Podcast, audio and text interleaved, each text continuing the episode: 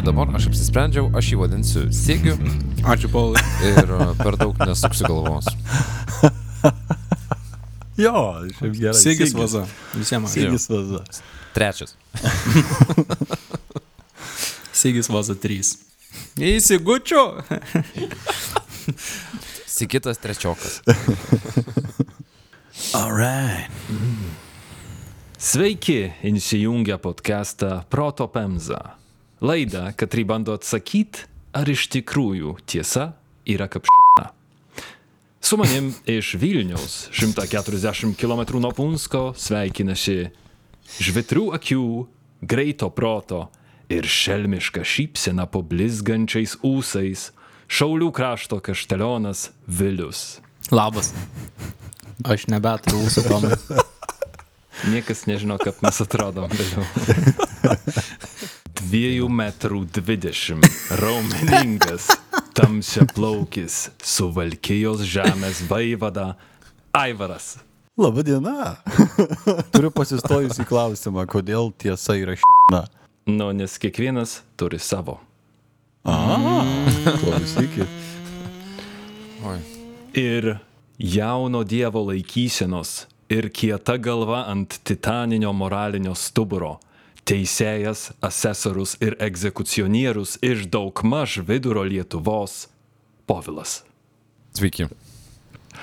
O iš Punsko, 2 km nuo Betlėjaus, sveikinuosi aš, pastalininko padėjėjo pavaduotojas Tomas. Šiandien in geriausių tautų Respublikos glebį priimam dar vieną garbingą tautą - švedus. Neprižadu, kad e, pilnai paaiškysiu, ale tikrai pradėsiu atsakinėti in klausimą, dėl ko švedai paliko tokį ženklų genetinį pėdsaką mūsų žemėse, pradedant vienu vidutiniokišku politiku, ale žiauriai įdomiu žmogum - karalium Zigmantu III Vaza. Uh. Mm, tai čia bus tas Lietuvos ir Lenkijos uh, aukso amžius. Kaip vadina taip? Kaip apibrėžti aukso amžių alėjo? Tikrai čia yra tas šulinys, iš kurio semiam mūsų uh, iliuzijas apie tai, kokia Lietuva gali būti. Porą greitų uh, žodžių apie šaltinius, kad dar labiau nušimest nuo savęs atsakomybę. Pagrindiniai šaltiniai uh, yra istorikas Henrikas Visneris su savo dviem vazų biografiniam knygom Zygmunt, Zygmunt III Vaza, Zygmuntas III Vaza ir uh, Vazų Žečpospolita. Taip pat šiek tiek istoriko, poeto, rašytojo e, Julian Ursin Niemcevič, kuris parašė Zygmanto biografijas XIX amžiui, bei šiek tiek švedų istoriko Lars Volke Jonas III Vaza, Renesanso valdovas. Ar šiame epizode bus Žygimantas Augustas? Nu, man atrodo, bus klausytojų, kurie nusivils, k- kiek mažai Žygimanto Augusto šitam epizode, ale bus bent, bent nominaliai, dvasiškai. Tai mes vėl nesužinosim, prie ko čia Žygimantas Augustas. Eh, hm, sužin... Na. O tai va, išgirsit. Mm, pa, kantrybės, Paulai. Atsiprašau. Didžiajam neprietelių džiaugsmui 1586 metais Anapilin iškeliavo už GTR vairo sėdintis ūsuotas Transilvanijos sūnus bei Žygimanto Augusto švogeris Steponas Batoras. Valstybei užverė samišis. Bet tai buvo jau treti karaliaus rinkimai per paskutinius 15 metų. Dalis bajorų apsidžiaugė. Bavelionis Batoras mėgino apribot jų hamišką nepriklausomybę. Kita dalis ėmėsi iniciatyvos. Tep kaip buvęs Prancūzijos karaliaus praktikantas, didysis karūnos kancleris ir etmonas, Batoro dvaro Richelieu ir Rockefelleris. Jonas Zamoiskis.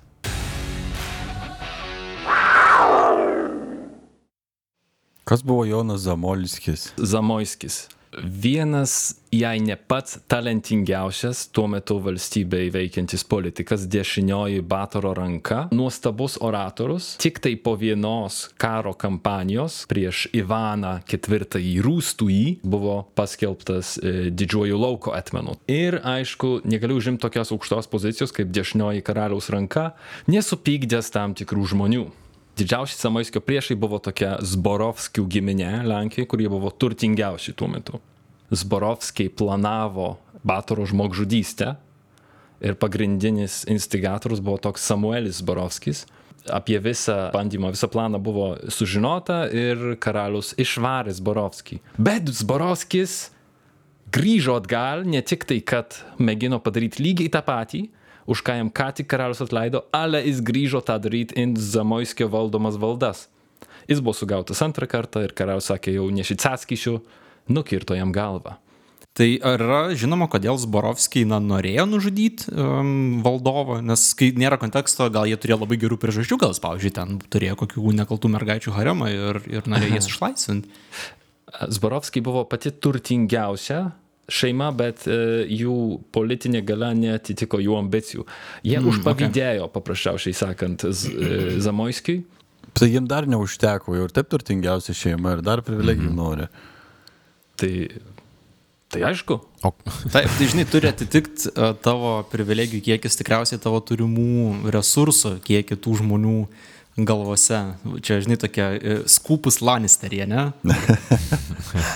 Bet šiaip įdomu, turėtų būti labai ambicinga giminė, jeigu tu plotini kaip nužudyti valdovą, nes čia nėra koks pasikesinimas į net, nežinau, karininką, kokia tai yra visiškai dvaro perversmas, toks jau masyvus, su ambicija tikriausiai perimti valdžią. Ir du kart. Bet čia 16 amžius, nemanau, kad tai antiek buvo neįprasta.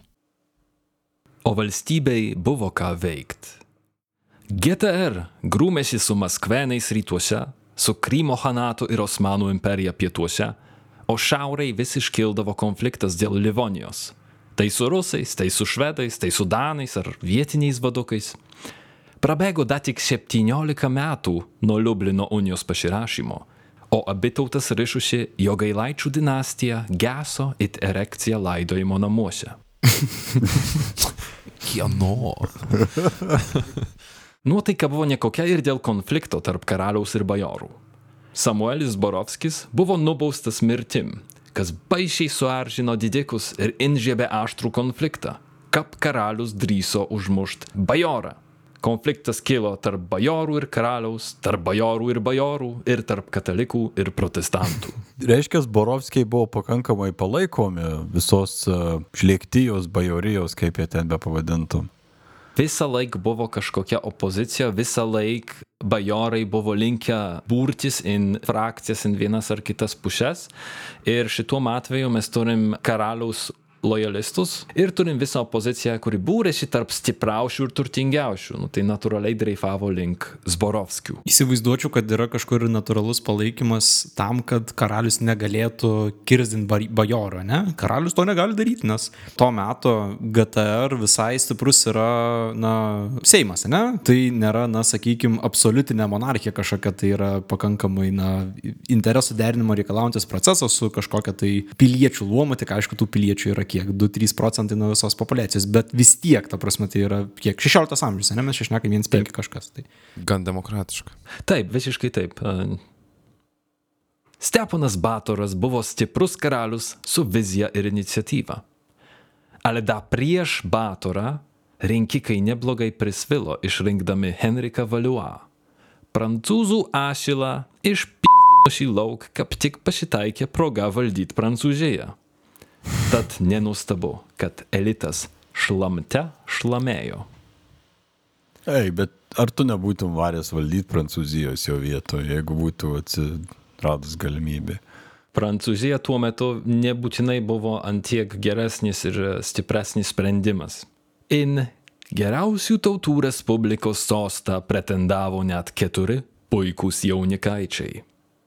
Kandidatas numeris vienas. Jis pamaldus, Jis ligotas. Jis caro Ivano IV rūščiojo sūnus Fiodoras I Ivanovičius. Karo, bado, sukilimų ir kitų apričinos gerybių suniokotą Maskvos caratą formaliai vairuojantis silpnaprotis. Kandidatas numeris 2. Šventosios Romos imperatoriaus brolis, didysis kryžiuočių ordino magistras, be penkių minučių dvasininkas, geras popiežiaus draugelis ir turkų neprietelis, Austras Maksimilijonas III Habsburgas. Įdomu, ar turėjo tą, tą garsų į žandikaulį Habsburgų. Dar ne, man atrodo, dar Habsburgai ne. Ai, čia, čia dar net. Trys vestuvės iki žandikaulio dar tikriausiai. Kandidatas numeris 3 - karalius Piastas. Nors neturi konkretaus vardo ar veido, svarbiausia, kad jis lenkiško kraujo, nes sostas turėtų atitekti tikram Lenkui. O kandidatui numeris 4 pristatyti. Turim persikelt keliasdešimt metų atgal už jūrų marių. 1566. Su riksmu, spiegimu, ašarom ir krauju Gripsholmo pilies kalėjimą aplankė džiugi naujiena. Brolio Eriko įkalintas Jonas III Vaza ir Kotryna Jogailaitė trečius metus trunkančioj nelaisvai susilaukė sūnaus.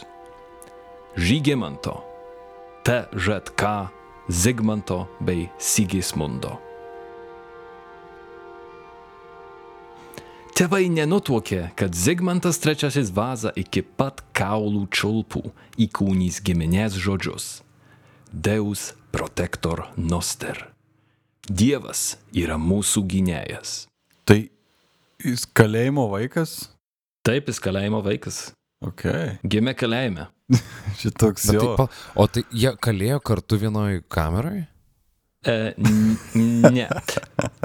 In kalėjimą buvo pasadytas tik tai karaliaus brolis Jonas III Vaza, o žmona Kotrina Jogailaitė, tai yra Žygimanto Augusto sesuoj, nuėjo kartu kalėti savo norų. Ir aišku, tai nebuvo tokias kalėjimas, kaip mes jį suprantam, lūkiškų mhm. standartų, vis tiek karaliaus kalėjimas yra biski aukštesnio, nu, Tai čia Švedijoje viskas vyksta, ar ne? Tai čia skandinaviški kalėjimai, viskas aišku. Čia gal kaip dabartiniai šeikai į kalėjimus užsidaro kokiam prabangiam viešbutį ir vienintelė laisvė riboti dalis, kad išeit negali iš jo. Zigmantas nuo mažens buvo ruošiamas sostui. Motina Kotrina Jogailaitė pasirūpino, kad sūnus gautų S klasės Mercedeso lygio išsilavinimą pas jėzuitus. Šnekėjo vokiškai, itališkai, švediškai, lotyniškai, ale svarbiausia - lenkiškai. Deja, minėtas Mercedesas buvo labiau sportinis nei darbinis, bet Zigmantas nesigaudė nei karyboj, nei Lietuvos Lenkijos politiniai sistemoj.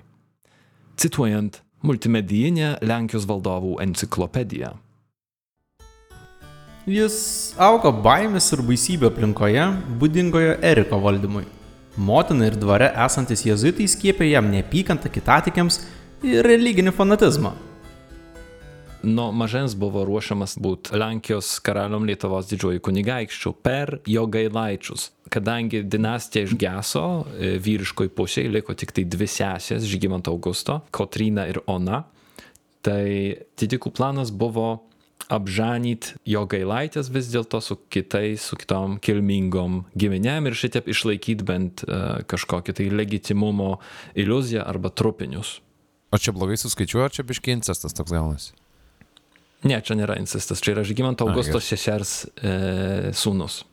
A, August, gerai, atsiprašau. A, gerai. Sigis buvo vyriausiasis sūnus, taip, Jono. Taip. Tai kaip veikia šita logika, kad jį verbavo nuo pat vaikystės būti Lenkijos karaliumi, tarkime, ar ne, o ne Švedijos karalystės valdovu? Gal niekas nenorėjo Lenkijos būti. Ne, bet jis vyriausias sunus tai turėtų būti pirmas paveldimumo eiliai nu, Švedijos. savo tėvų. Jo. Jo. Taip, ir tai, kad jisai startavo in e, Lenkijos Lietuvos sostą, neišbraukė jo šansų būti paveldėtojų Švedijos sosto. Čia neprieštarauja dar. Ai, gali sėdėti ant penkių sostų vienu metu. Tai viena supratau, karalystė jo. pasidaro, ne? Tada Nepagalvojau. Potencialiai. jau, jau, jau, jau, jau pradedat galvoti. Geriausių tautų respublikoje vyko rinkimai. Ir valstybė, kaip manau jau spėjom priprast, tapo durų kilimėlio skirtingų subjektų interesams. Ką prašo Henrikas Visneris? Turkija baiminosi Žečpospolito susivienimo su Maskva ar Šventąją Romos imperija. Habsburgai siekia artimesnių ryšių su ATR, jos prisijungimo prie antiturkiškos lygos ar bent neutralumo Vengrijos žemių klausimų. Suartėjimo norėjo taip pat todėl, kad ATR galėtų sudaryti sąjungą su Habsburgų priešais. Maskva nelabai tikėjo Fiodoro Ivanovičiaus šansais, nesiekė suartėjimo su ATR ir baiminosi Lenkijos Švedijos sąjungos, todėl žadėjo paramą Habsburgams. O Švedija stengiasi užkirsti kelią Lenkijos Maskvos sąjungai. Neblogi šachmatai dėliojasi. Tai net ir turkai bandė kišti nosį. Kai sak, sakom turkai, tikriausiai turim otomanai mintyje, ne? Taip, Otomanai taip. arba Osmanų imperija. Na, niekada galvodamas apie ATR per daug ne, nepagalvoji apie tai, kad ten otomanai tuo metu galėjo turėti kažkokios tai Bet įtakos. sienagi bendra buvo ir kazokai kaip kažkoks e, dėmuo šitose galio žaidimuose e, galėtų būti Hanatas dar tuo metu tikriausiai net ne kazokai, taip. bet jie irgi tokie ne, ne, ne, kaip mm, niekam neprisiekia iki galo, ne? Nuperkami. Wow, kaip sirgau per tas pamokas. Aš jį teisingai suprantu, šiuo metu daugiausia e, noro iš užsienio yra, kad Maksimilijonas būtų karalius, ne? Yra, yra ir užsienin, yra ir viduj to noro. Mhm. Tikrai turi realių šansų Habsburgai. Anksčiau minėtas bajorijos konfliktas Lenkijoje reiškė paramą keliem kandidatam. Turtingiausia Lenkijoje Zborovskių giminė buvo už Habsburgą. Jų priešininkai su Zamoiskiu priešaky - už Vazą. O Lietuvoje? Lietuviai buvo biskį labiau linkę remti Habsburgą, kaip atsvarą Lenkijos įtakai, arba Fiodorą, kad užbaigt karą su Maskvenais. Ale labiausiai iš visko lietuviai remia fantazijas. Jie užpyko ant viso pasaulio ir visapkap mėgino sabotuoti ne tik kažkurį konkretų kandidatą, kiek karūnavimą apskritai.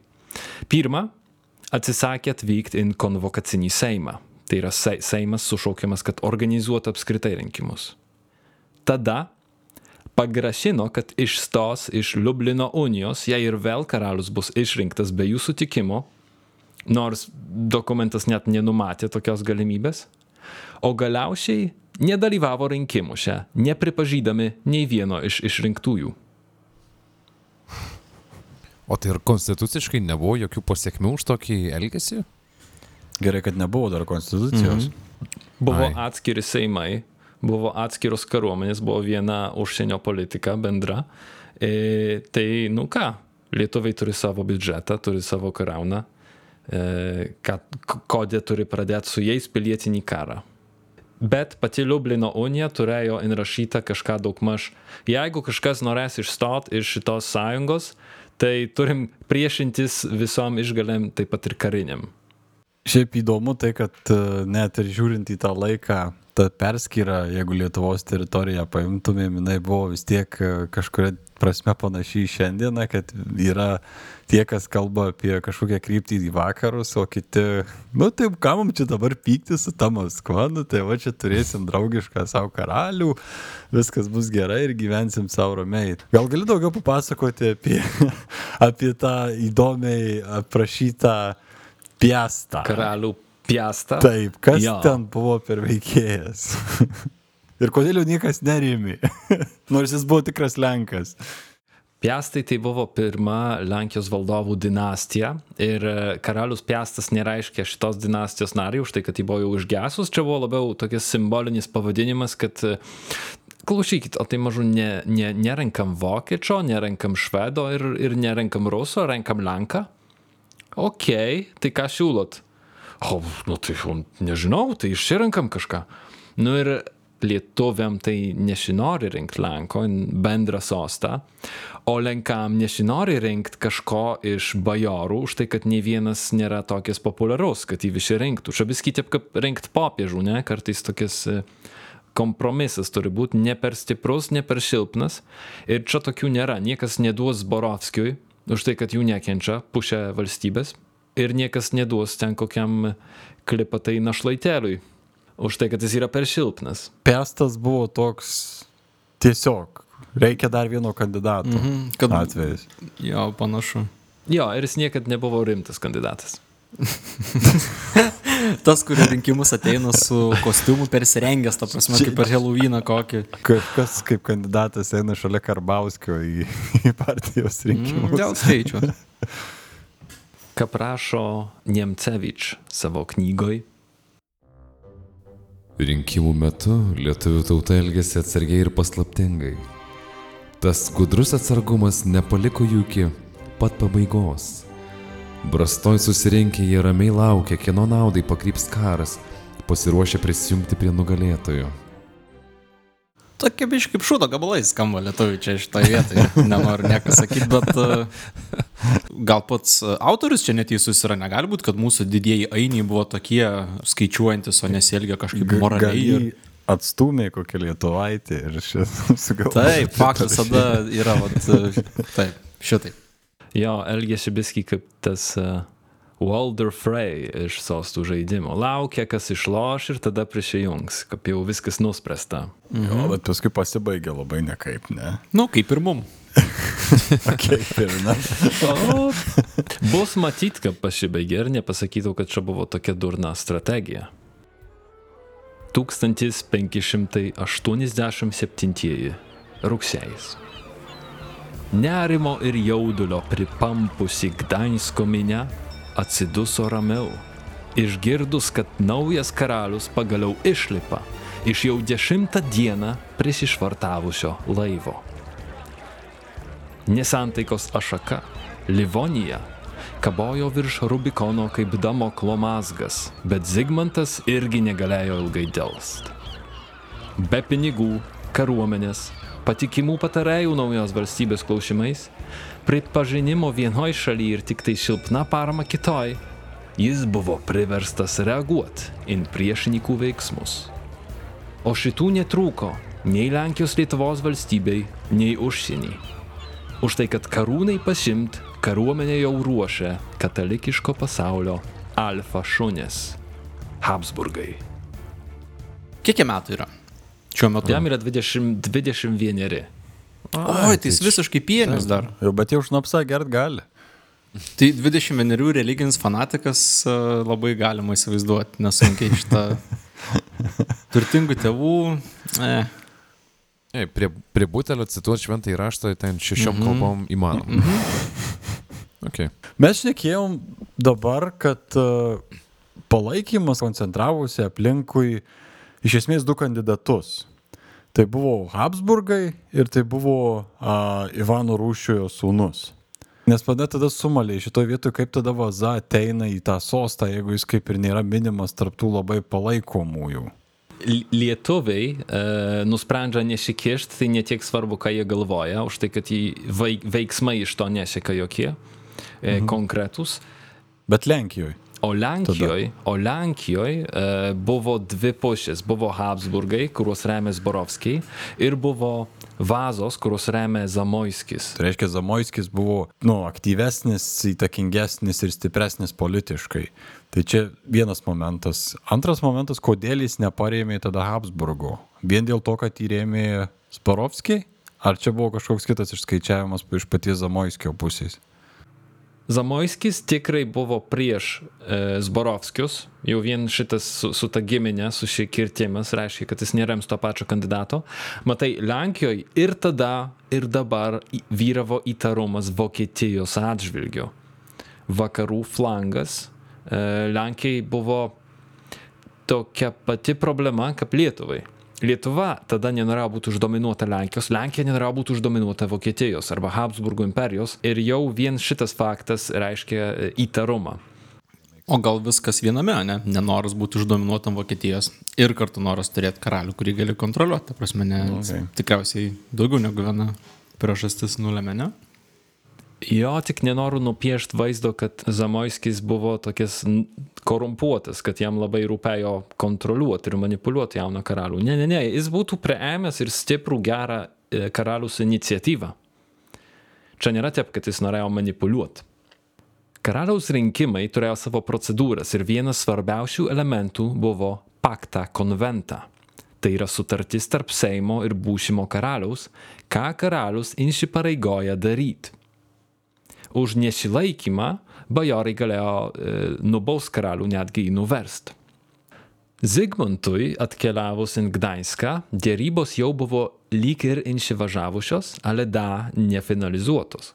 Kol karūna nepalėtė jo galvos, tol kiekviena pusė mėgino patraukti bent centimetrą paklodės savo.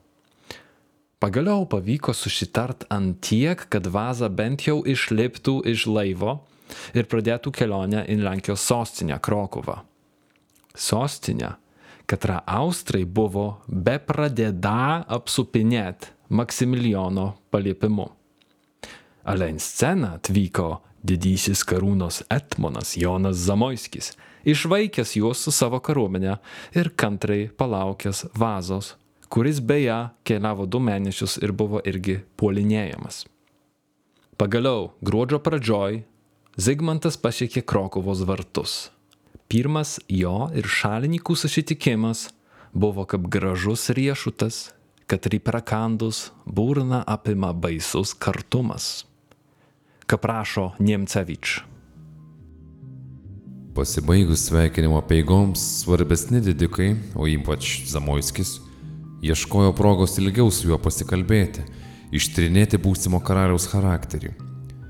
Tačiau kai Zigmantas atsakinėjo trumpai ir sausai, Zamoiskis tikėdamasis palankesnio traktavimo, tarė karalių atvedusiam Lesnovolskiui. Kokį jūs čia bežadį pašlemėką mums atvedėt? Tai jis karaliui į akis žiūrėdamas vos nepasakė, Kas čia per grybas? Nu. Aš kažkada, kai tu sakai dar, kad jis atvyko į Lenkiją ir jam reikėjo nukeliauti iki pat Krokos, įsivaizdavau kaip per Holy Grail Monty Python tą uh, karalių Artūrą vieną patį su, su, bet net berklio einantį iki, iki ir dabar būtų prieės prie prancūzų pilies, kur jį visiškai disina ir ne, nekreipia dėmesio. Ir pa, pakeliui a, Lenkai iš Zborovskio, iš kaimų, su pierogi. Bet aš karalius. Mes tavęs neišrinkom. Vėliau, kaip jau ėjo konkreti šnekta su karalium dėl viešų reikalų ir susitarimų, buvo paliesta skaudžiausia tema - Livonijos priklausomybė.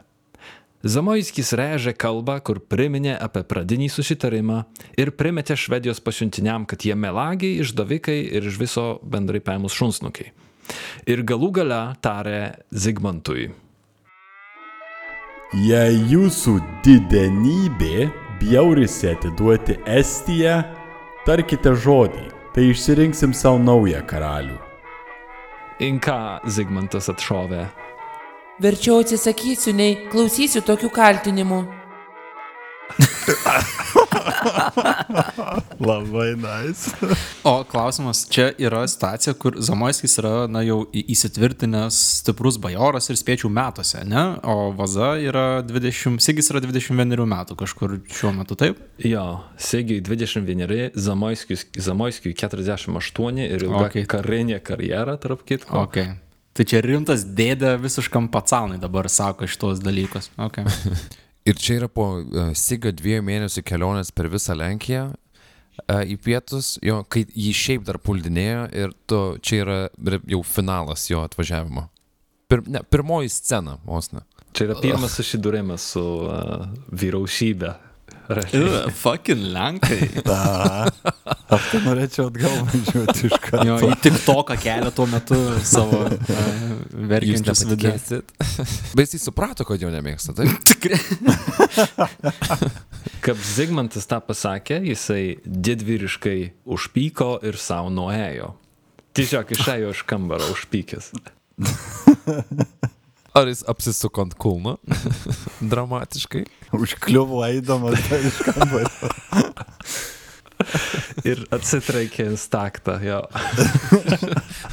Tokia užpykimo situacija vyravo porą dienų, kol Zamoiskis, įtaru, kad aštrai vartydamas akimis, atsiprašė karalių. Gruodžio 28 Krokuvoj Žygimantas III Vaza pagaliau karūnuojamas geriausių tautų Respublikos valdovu. Ale čia pat aštuoni tūkstantinę kariuomenę riktavęs Maksimilijonas Habsburgas neleido ilgai džiaugtis ceremonijom. Beliko išvest kariuomenę ir išsiaiškyti rinkimų rezultatą. Tai uh, Habsburgų atstovas tiesiog uh, nesutiko su iš to, ne? Taip. Būtent. Prisiklijavo savo žandikaulį ir į karą. 88 sausio 24 Habsburgų valdomoj Silezijoje įvyksta Bičinos mūšis. Mūšin susitinka Zamoiskio vadovaujami Vazos šalininkai ir Maksimilijono vadovaujama kariuomenė. Tai kitaip tariant, Zamoiskis imasi atstovėti už vazą, ne? Ir maža to, jisai net nelaukia Habsburgo, tik eina pasiin žemės. Jis su kariuomenė peržengė sieną ir atvarė pasiin kiemą. Pas Habsburgus, ta prasme, Zamoiskis tiesiog nuėjo, ne, nelaukia, kol bus. Nu, Jo, čia kaip, kad, žinai, pas tave į kiemą atvažiuoja kažkokie bičiai iš golfo dešimt išlenda, žinai. Davai. Išlys. Habsburgas buvo gudrus gudrutis ir susistatė savo kariuomenę pirmas ant kalnuko. Prieš tą kalnuką buvo plynas laukas. Ir jis sustatė kariuomenę pusmenuliu. Tikėdamasis, kad priešininkai yra militaristiniai analfabetai, negirdėję apie skerdinės kanų mūšį. Zamoiskis, matydamas, kad kovoja su absoliučiu mėgėju, puolė vietoj to flangus ir taip drūčiai apdaužė Habsburgus, kad net paėmė patį Maksimilijoną nelaisvен. nu, ateik čia. Bet Zamoiskis, blemba, kietas buvo reiškia, mm -hmm. vis tiek. Nu, ne tik rūmuose ten a, su visokiom intrigom jisai tvarkėsi, bet galėjo ir karo laukia pasitvarkyti. Panašu, gerai. kad jis šiuo metu daro tai, ką turėtų daryti karalius. Ne? Jis įtvirtina, na, sav, ne savo valdžią, aišku, šiuo metu, bet uh, jei būtų karalius, tą darytų. Tikriausiai rodytų, ką reikia daryti. Habsburgas buvo paleistas, šikiu paleido ir jo kariuomenę.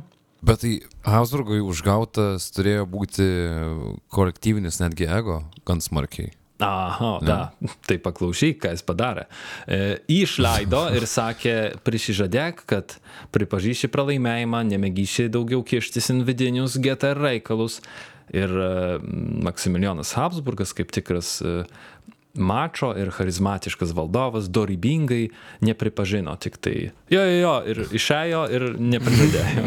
Jo, jo, jo. Ta prasme, seniukai, jo, jo.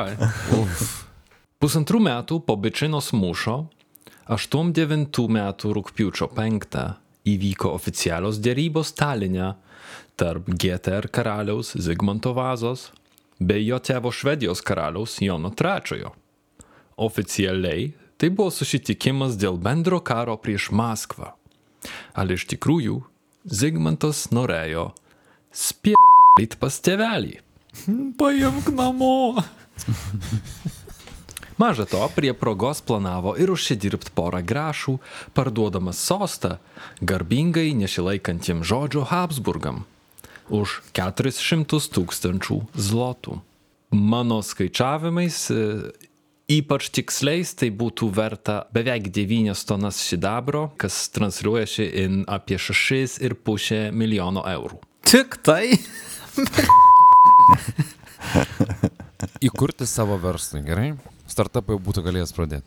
Bet e, turėkime omeny, kad čia mm, remiausi perskaičiavimu zloto in talerį, kuris buvo atsiremęs į sidabrą, Jo, jo, tai čia gali būti. Plus Ir mažiau sidabro buvo. Jo.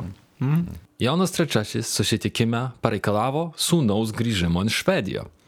Ir tada kilo baisus ševelis. Nei GTR, nei Švedijos didikai nenorėjo tokio sprendimo. Niekas nenorėjo pradėti karo vien dėl to, kad ponaitį spaudė karūną. Ale giluminė priežastis buvo Livonija. Literatūroje da vadinama Estija arba pas Lenkus inflantais.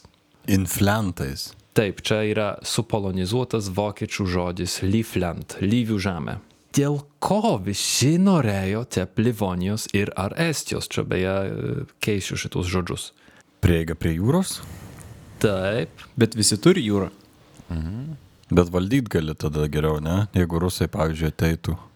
e, matot, per Rygą plaukia tokia upė vadinimu Daugava, kuri yra antra ilgiausia upė intekantin Baltijos jūrą. Ir tai reiškia labai didelės pajamas iš prekybos, ypač maistu, ypač javais, kurie e, buvo pagrindinis ATR eksportas tuo metu. Ai, tai kitus sakai, Estija turi omeny ir Latviją kartu, ne? Taip, iki pat Talino. Okay. pasipelnimas buvo pagrindinė priežastis. Pagrindę transportas vykdavo laivais ir daugava lietuviam galėjo atnešti atsvarą Lenkijai už tai, kad Lenkai turėjo vyslą savo rankose, lietuviai norėjo dauguvos. Prieš pat Liublino uniją LDK užkaravo ir prisijungė Livoniją. Ale paskui Žygimantas Augustas ją savo dekretu kaip karaliaus priskyrė bendrai Lietuvos ir Lenkijos valstybei. Tai kap ir sukūrė pagrindą trijų tautų respublikai. Nu ir lietuviai su lenkais dėl to visą laiką ginčijosi, kam jį turėtų priklausyti. Nors aptariamų laikotarpiu toj žemė buvo kaip ir Švedijos rankose, in katras atidžiai žiūrėjo ir Maskva. Kaip sakė profesorius Edvard Opalinski. Estijos klausimas rodo nešvarias Zamoiskio intencijas. Nors Batoro mirties metu tos žemės priklausė Švedijai, Zamoiskis įrašė į paktą konventą straipsnį apie pareigą inkorporuoti Estiją į abiejų tautų respubliką. Tai buvo tiksinti laiko bomba. O kad būtų dar įdomiau, Zigmantas buvo pasirašęs su švedais slaptą protokolą, katram įsipareigojo palikti Livoniją švedam. Tai pa, pala, pala. Ka- Ką Zamoiskis bando dabar pasiekti? Jis bando išprovokuoti konfliktą, ne? Jo, Aš galvoju, ką Vaza veikia. Nagus e, dirdina. Tėti, važiuojam namo, nebe. O, o, o gali atvažiuoti pasimti, Palauk, Sigi. nusigauti, palauk. tada įvyko tokia mašiška akcija, tie bajorai iš abiejų pusių pradėjo atkalbinėti tiek Joną, tiek e, Sigį. Nu ir pavyko vargais negalais atkalbėti. Ale, kaip prašo švedų istorikas Jono trečiojo biografijos autorius Lars Volke, Sugrįžęs iš Estijos, Jonas III prarado iniciatyvą vidaus ir užsienio politikoje. Ir tik vienu klausimu rodė nesilpstantį uolumą. Nesustojo karštaut tarybos nariams, prikalbinusiems leisti sūnui Lenkijos sostą, o vėliau neleidusiems jam grįžti į Švediją. Šitas neapsisprendimas pakenkė Zigmantui abiejose valstybėse. Sugrovė pasitikėjimą Krokuvui ir Vilniui ir tikrai nelaimėjo palankumo Stokholme. Avantūra baigėsi vadinamu inkviziciniu seimu, katris tyrė paskalas, skaitė laiškus ir kankino įtaramuosius. Karaliui tai buvo gana gėdingas spektaklis, katro pasiekoj turėjo prižadėti, kad nepardavinės karūnos ir kad nerinks savo įpėdinio. Zamoiskis dar prie to mėgino ir prastumti naują konstituciją, kad jie privotų karaliaus valdžią, ale jam e, nepavyko, Seimas nepriėmė. Man čia visi atrodo nepatenkinti šitą santoką. Bet vat, vis tiek kažkodėl liko visi brandoliai toliau. Nes tai galėjo kvepėti potencialiai pilietiniu karu. Ale tada Zigmantui į rankas inkrito puikia proga atsigriepti ant Zamoiskio, bet atsilaisvino pakanclerio pareigybę. Nu, tai čia daug maž rinkti ministrą naują galima. Ir į šitą vietą karalius pasodino Janą Tarnovskį, katro Zamoiskis ščyrai nekentė. Supykęs didysis Etmonas sušuko. Karaliumi tave išrinkom, ne tironu. O Vaza, kaip didingas ir charizmatiškas valdovas, užpyko ant viso pasaulio. Vėl supyko. A, Jersey Shore toks. Yeah. Aš einu namo. Bet atrodo, jo, kiekviena jo reakcija yra tiesiog užpykti ir išeiti iš kambario. Ne, ne, ne, ne. Kol po dviejų savaičių Zamoiskis, įtarama maksimaliai atsilošęs ir užvertęs akis, atsiprašė karalių. Jau tas akis vartytas, jau nežinau kiek kartų ten persvertusios, bet tie atsiprašymai per sukastus, per sukastus dantis turbūt tokie buvo. Nu tai atsiprašau tada jau, jeigu taip.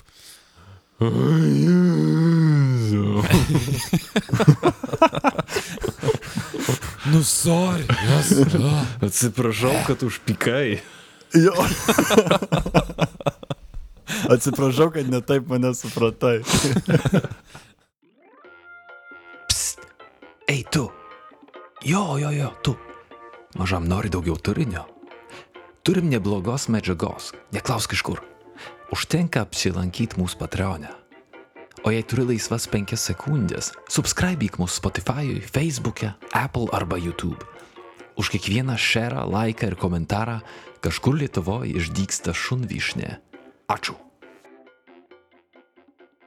Kuomgi gyveno Zigmantas III Vaza? Kokiais talentais pasižymėjo karalius? Ir ką jis turi bendro su atominiais ginklais? Tos ūsus? Atominiai ūsai. Kaip skaitom pas Visnerį? Zigmantas Vaza nebuvo paruoštas valdovo pareigoms. Niekada anksčiau nevaldė, nevadovavo kariuomeniai, pažinojo tik tai švedišką pasaulį. Supo jį dvigubai, o netgi trigubai vyresni politikai, vykdantis arkivyskupo, kanclerio ir etmano pareigas, iš kurių negalėjo būti pašalinti. Be to, puošnus magnatų būrys atidžiai stebėjo valdovą gyvenantį iš paskolų. Nors tuo metu karaliams tai nebuvo neįprasta, tačiau karaliaus dvaras akivaizdžiai prarado, o vaza neįgavo pirklių pasitikėjimo. Mat šaltiniuose aptinkame informaciją, kad pietūs nebuvo pagaminti, nes nebuvo iš ko. Jisai tarytum atvažiavęs, būdamas vaikas, žaisti į į krepšinio aikštelę su, pavyzdžiui, savo pagyvenusiais dėdėm, kurie visi yra su alaus pilvais ir jį tiesiog pilvais nustuminėja Mm, per krepšinį. Jisai bando įmest kažką, kažką padaryti, bet nieko neišeina. Bet jis atsivežė kamolį. Bet jis atsivežė kamuolį. Jo, bet žinai, skruostai prakaituoti ne savo prakaitų pasišiuo metu. Taip, taip, taip. Ir jeigu suvyks, ei, Sikė, nu taigi, davai, nu čiagi nieko nebuvo, nu būk vyras. Ir mes vieną, viskas gerai. Jo vieną duoda įmest ir paskui vėl laimingas kurį laiką. Tie vilkai jie apstojo ir jie kaip ir vadovauja visam žaidimui, bet jis tuo pačiu metu ir mokosi iš jų.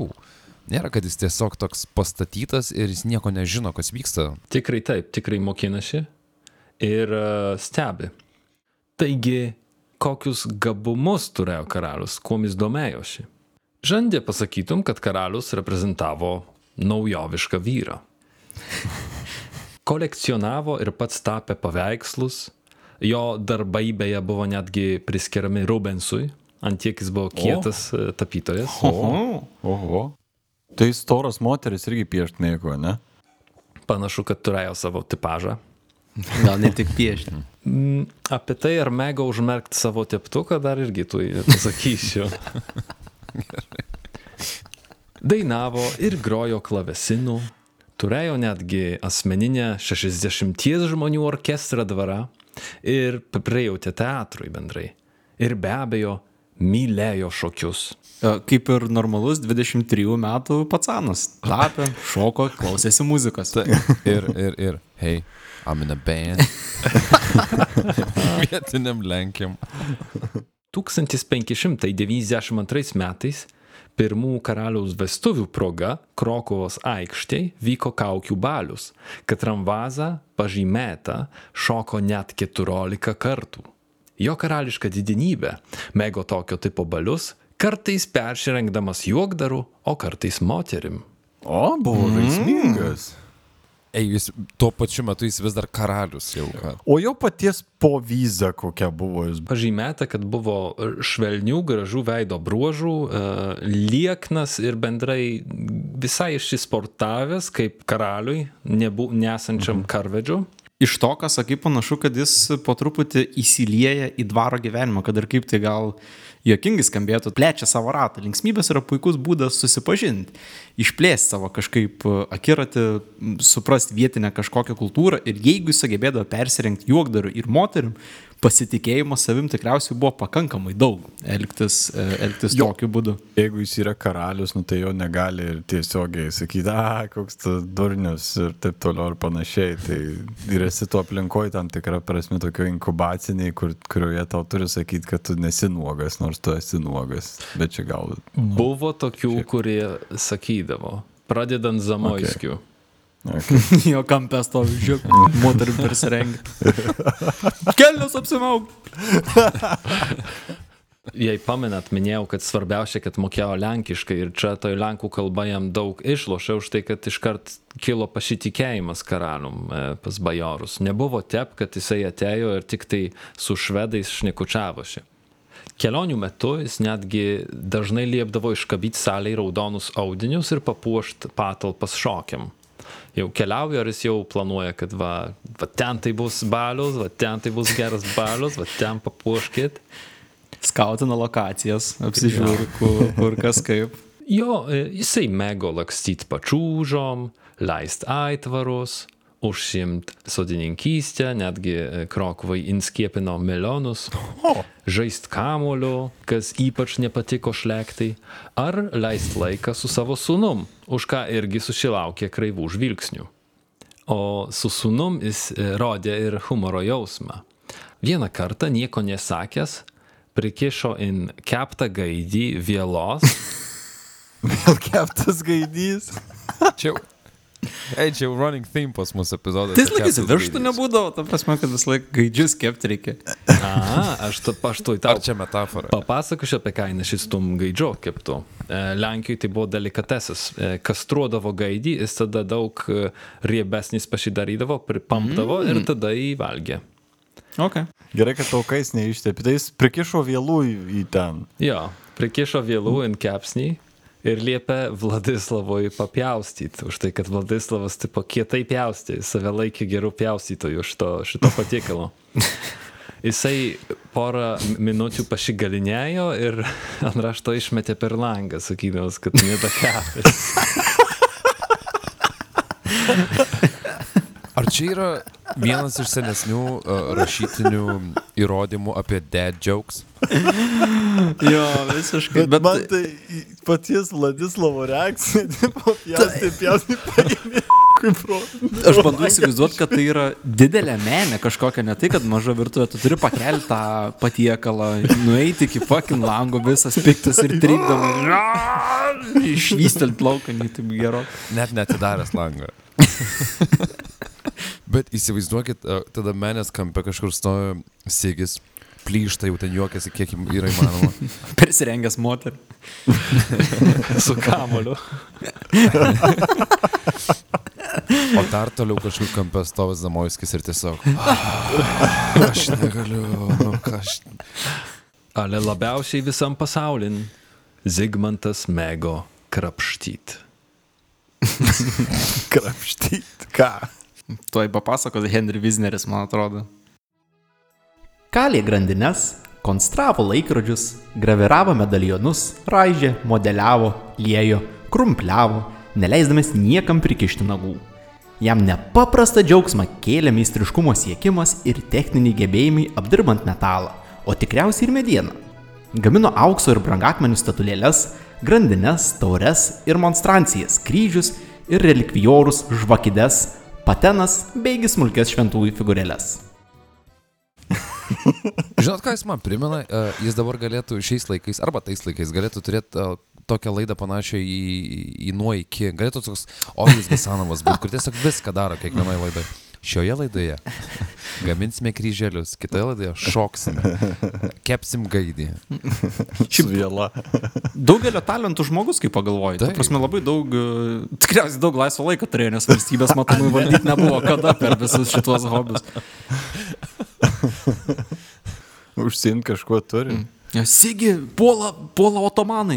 E, žinok, aš šiuo momentu šiek tiek žieduką graviruoju, tai paskambinkit man vėliau viškai.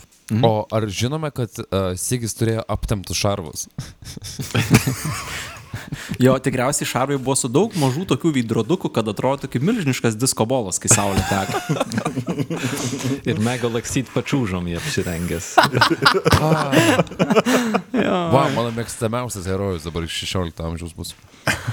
Love the guy. Yra išlikę jo darbų ir, ir šiaip tai jie geri, kokybiški. Jis tikrai tuom turėjo tam talentą. Gaila, kad į tokią, tokią profesiją bjauriai patraukė. O galėjo būti nuostabus auksakalys. Bet vat įdomu, a, man visada, kai yra tokie atvejai, padaro vat, su kreivu smailu kažką, išmeta, ai, pasikviečia normalų kalbį ir sako, padaryk man gerai. Ir tada su normaliu eina, aš padariau, aš padariau, ne kas kitas. Karalius tai. nu, Įtraukė ne tik skulptūrą, ale ir auksakalystę. O man atrodo, neturiu aiškyti, kur anksčiau ar vėliau nuveda nežabojama auksakalystė. Į alchemiją. Tiksliai. Fuck yeah. We got a winner. Ir štai šitas nekaltas hobis netiesiogiai prisidėjo prie Varšuvos sutarties organizacijos. Kaip? What? Karalius praleisdavo ilgas valandas užsidaręs laboratorijoje. Ir, pasak legendų, savo akimis matė, kaip švinas transmutuojamas in auksą. Šitą žygdarbį taramai atliko vienas žymiausių visų laikų alchemikų - 17 amžiaus mokslo superžvaigždė, diplomatas ir okultisto Edward Kelly, ciesoriaus Rudolfo II bei Zigmanto III vazos draugas - alchemiko Müllenfelso nemesis Mykolas Sendivogijus arba Michał Sendživuj.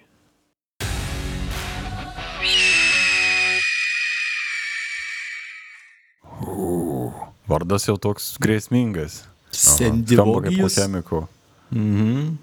Taip, Sendivogijus, e, štai plotiniškai jo vardą užrašinėjo Michał Sendživuj. A, nu tai kai lenkiškai, tai nu, iš karto jau. Sendivogijus toks labiau įsivaizduoji su apkerpėjusiam kojom kažkodėl, žinai. Lasda tokia rankai. Jo. Ir šitas vyrukas, jisai vėlgi vertas atskiro epizodo, už tai, kad jis turėjo nuotykių visoje Europoje, jisai buvo dip diplomatas, kurį galima buvo pasamdyti ir išsiųsti į užsienius ir tą karaliai ir, ir ciesorius darė. Ir jis buvo netgi įkalintas Müllenfelso, kito alchemiko, kuris buvo pavydus labai, užpavydėjo jam jo visų uh, laimėjimų. Ir tada Alchemikų karai. Jo, alchemikų karai. Milenfelsas jį įkalino bokšte? Taip. Fucking hell. Aš maniau, čia šiaip paklausiu. O kur, kitai, kur kitur paslėps alchemikai, kai ne bokštą? Kur toli? Net nelysk prie bokšto neturi.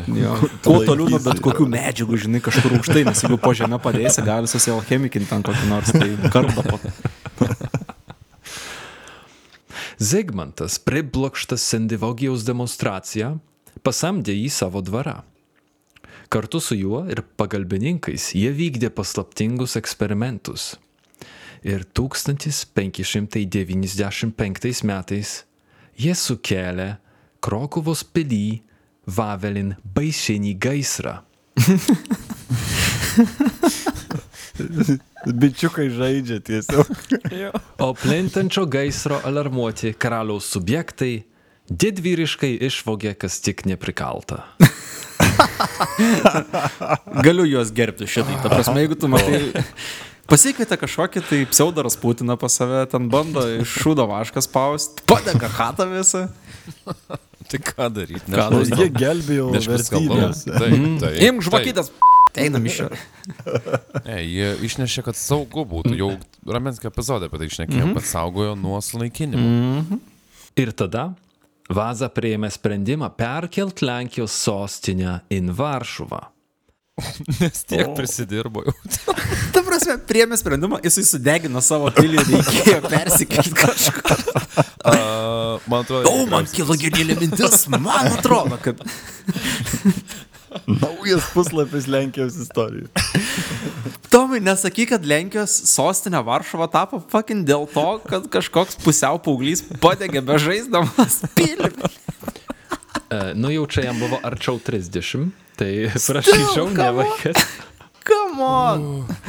Ta prasme, Čia nebuvo vienintelė priežastis, iš Varšuvos buvo arčiau į Švediją, į Lietuvą, e, prie jūros, į rytus ir vakarus. Ja, ja, ja, ja, ja. Mhm. Taip, taip, aš, aš matau čia tų priežasčių daugiau, kad... Strategiškai viskas patunka. Čia yra, kai kitą rytą reikėjo sugalvoti, kodėl reikia persikelti Varšuvą ir dviesi su tuo pačiu uh, alchemiku. Gal, galvoju, greitai dabar man dešimt priežasčių, kodėl Varšuva geriau nei Krokova. Čia kad būtų. Davai, davai, davai, davai, galvoju.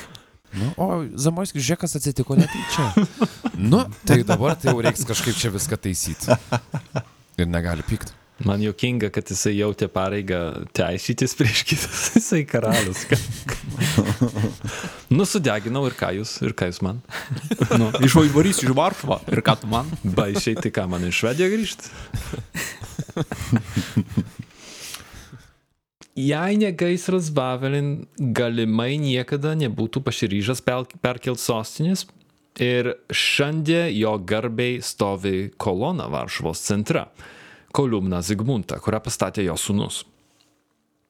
Sugrįžtam prie klausimo, ar jisai mėgo varyti vienuolį į klausyklą arba užmerkti teptuką. Ne? Vaza buvo išskirtinai dorybingas. Ba nors mėgo vaikytis mergas, ale tik tai iki vestuvių. Po 92-ųjų jis buvo itin ištikimas, o vedė ne ką kitą, ale Maksimilijono III dukterėčią Oną Habsburgaitę. Beje, vedybos įvyko per, per prokurą, reiškia per atstumą Vienoje. Ir Vienoj karalių atstovavo Albrechtas Radvila. Bet jie būtų buvo skirtingose miestuose? Aš... Jo, jo, Jo, jo. čia buvo, čia buvo gana įprasta praktika, kiek žinau, karališkom šeimom. Pavyzdžiui, Marija de Medici už vieno iš prancūzų karalių irgi taip ištekėjo, jinai ten buvo Italijoje kažkur. Tiesiog buvo atstovas, kuris stovėjo tuo metu bažnyčioje ir juos sutokė ir tada jinai tik tai atvažiavo. O, kaip romantiška. Ir tie šokiai Krokovai vyko vėliau, kada jau Ona Habsburgaitė atkeliavo pas, pas Vazą.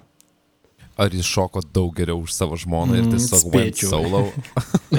Ant šokio aikštelės toks, kur biškė pašakina. Mm, Tipo, Palaukite, tipo, kaip, o jis, ka- kas jį galėtų vaidinti filme, Jonas Travolta. Jaunas dar. Jo, ir yra tie, tie vaibai tokie. Jo, į- į tą- viskas, mm. neigiami viešai, kažkokios keistos religinės ten fascinacijos irgi.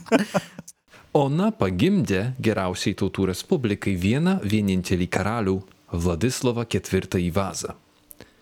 Kiti trys bandymai gimdyti buvo nesėkmingi, o paskutiniu metu įmirė 98. Jos šermenys truko beveik du metus. Svarbi detalė, kad jinai buvo protestantė. Šermenys truko dviejus metus. Mhm. Ar tai yra tai, ką aš įsivaizduoju? Jo, ji nebuvo palaidota du metus, buvo pašarvota tiesiog jos lavonas gulėjo du metus kažkur. e, ne kažkur, o katedrui, Krokovui. Ir galėjo žmonės ateiti ir pasižiūrėti jos lavoną įrantį.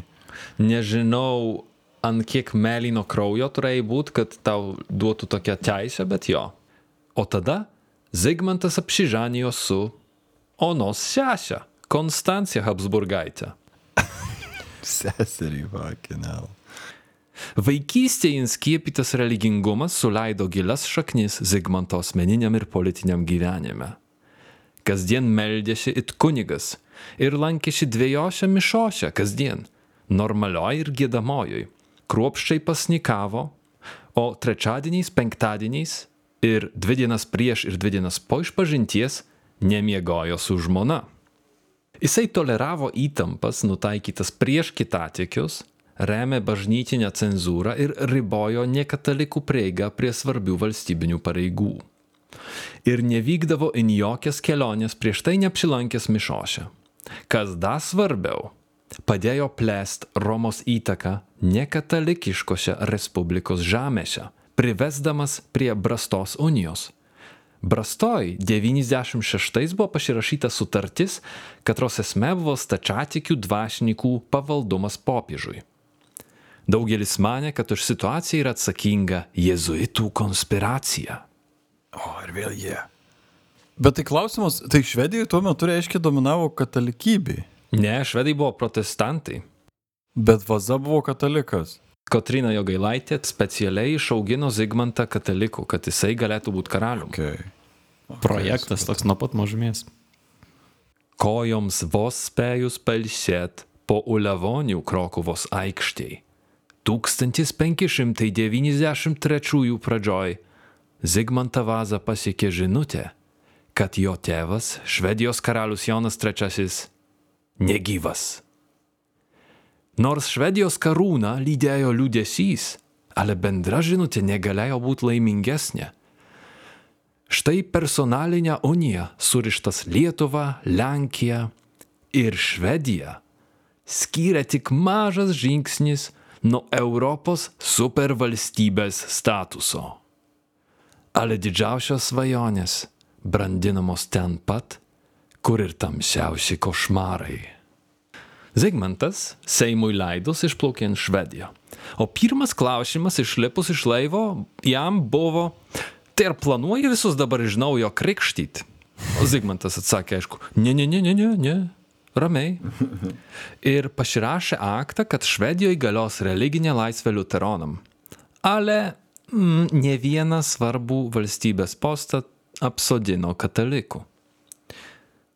Zigmantas neturėjo techninių galimybių būti trijose valstybėse vienu metu, dėl to karalium regentu, vietininku, paskelbė Jono III brolį, savo dėdę Karolį IX vazą. Ir grįžo atgalin Gdaiską. Tai čia dar trečias brolius. Taip, Karolis IX buvo jaunesnis negu Jonas III, ir, bet iš tos pačios motinos, jei neklystu. Okay.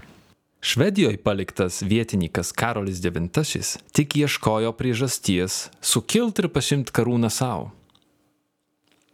Jis ėmėsi drastiškų žingsnių.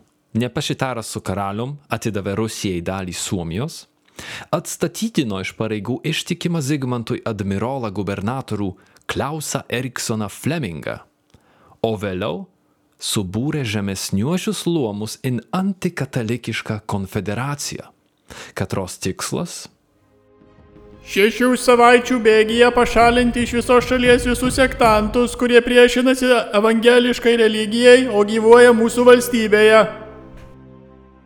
Tai Zigmantas uh, vėlgi rodo gandro grakštumą už tai, kad uh, prieštarauja savo žodžiam, suteikdamas svarbius postus Švedijoje katalikam, plus iš vis in delegaciją jis su savim pašėmė popiežiaus nuncijų, tai yra vietininką vėlgi. Aišku, Vatikanas tokiu būdu tikėjosi susigražyti Švediją, ale jis nebuvo irgi be jokių ginklų. Zigmantą remė didikai. Žemesnieji luomai, miestiečiai ir uh, valstiečiai buvo už karolį. Bet uh, elitas, nu, elitui buvo visai patogu ir gerai. Nes niekas jų ir turbūt per daug nekontroliavo tenais tuo metu, jeigu jisai išvykęs, jis jiem, jiem leidžia tvarkytis daugiau mažiau panašiai kaip jie nori, o čia dabar kažkas, kuris visą laiką vietoje žiūrės, kas ką daro, bus nefaina turbūt. Nu, nepamirškim, kad Karolis buvo energingas ir ambicingas, tai nebuvo taip, kad anie darė, ką norėjo.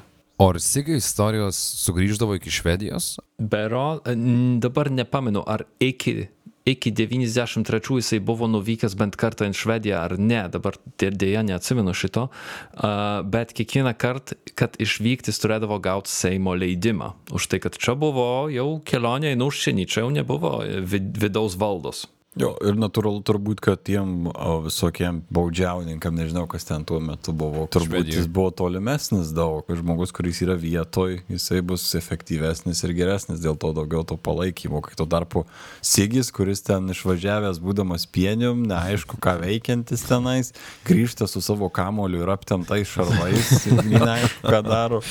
O nu te, supakavai mano pačiūžas. proga nukritus į rankas turėti itin galingą ATR, GTR tuo metu ir Švedijos karūna yra neįtikėtinai daug žadanti ir potencialiai daug duodanti. Aišku, tam, kad jie pasinaudotų, tikriausiai reikia būti kažkuo daugiau negu 16 amžiaus disko boje. Visi įrankiai lyg tai buvo vietai, ta prasme, pa, padaryti tam tikrus sprendimus. Disko Sigis. Disko, jo, 16 amžiaus disko įgis. Atrodo, jam likimas vis suteikia progą. Mhm. Vis pasifoksina kažkur. Tad karaliui Zigmantui III vazai beliko tik viena išeitis. Ugnimi ir kalaviju atsimti tai, kas jam iš Dievo valios ir gimimo priklauso. Laikas karui. Tam, tam, tam. Ir būtent šitą vietą sugrįšim pas Zigmantą kitoj daly. Jūs son of a bitch. O aš norėjau sužinoti, ar bus dance-off competition, ar bus tikras karas. Išsirikiuoja 10 tūkstančių vienos pusės kareivių, 10 tūkstančių kitos pusės kareivių ir šokiai iki mirties. Įsivaizduoju, kaip įspūdingai atrodo 10 tūkstančių sinchroniškai šokančių žmonių. Ei, nuvažiuok į Šiaurės Koreją. Būtent. Tikrai įspūdingai atrodo visą tai.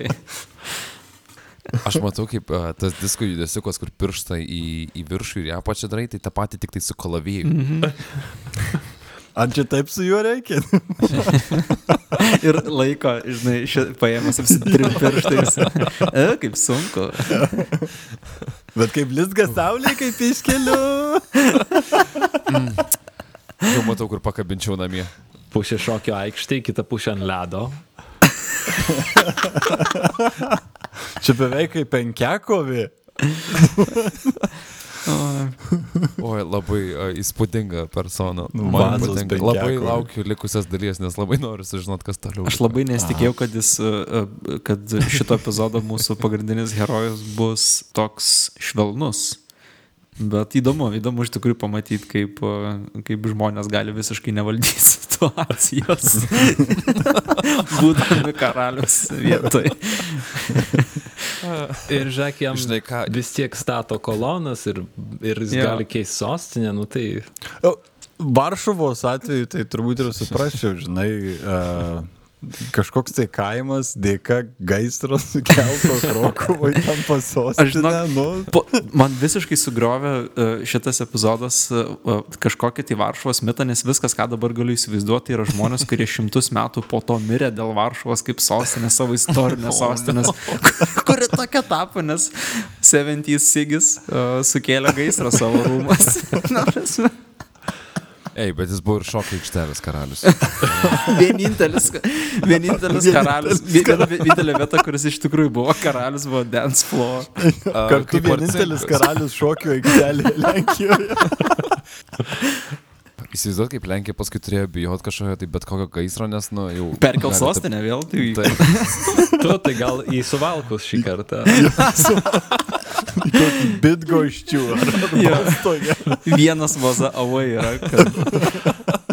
Šiaip tai ačiū Tomai, nes šitaip labai, sakyčiau, sudėtingas kontekstas, į kurį reikėjo įeiti. Man atrodo visai toks neblogas vaizdas susidaro, mm -hmm. gana aiškiai susidaro.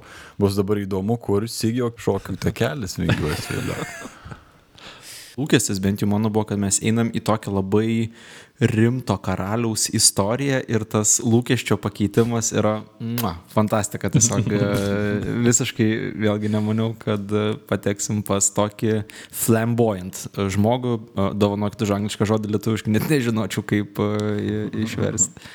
Aš netikiu, kad mes prisišokom iki tokio herojaus, apie kur ir šitas laikotarpis aš apie jį beveik nieko kaip ir nesidomiu, nes jis man visą laiką atrodydavo toks, ne tai, kad neįdomus, bet jis neturėjo tokių vat, personų, ką tu šiandien ir pasakėjai. tai ačiū, kad sužadina įdomumo. O jūs A, žinot, labai smarkiai. istorijos puslapiuose, kaip prieš. Čia Kaip, mūsų mūsų... kaip prišokta. tarpu karinės istorijos tradicija traktuota dar laikotarpį kaip uh, tamsų, jo, kaip white yeah. noise uh, išdava, yeah. kuri iki dabar mus vėjas. Cool, kaip laukiu kito, uh, kito epizodo. Pabaigai nedidelė dovanėlė nebejotinai geriausiem patronam lietuviakalbiam pasaulin. Taigi, mūsų patronai, jums skiriu šitą haiku. Parašau jums haiku. Kruopšti dėjonė. Skaityt, rašyt, pykt ir keikt. Tau, patronė. Net kaip miela. labai.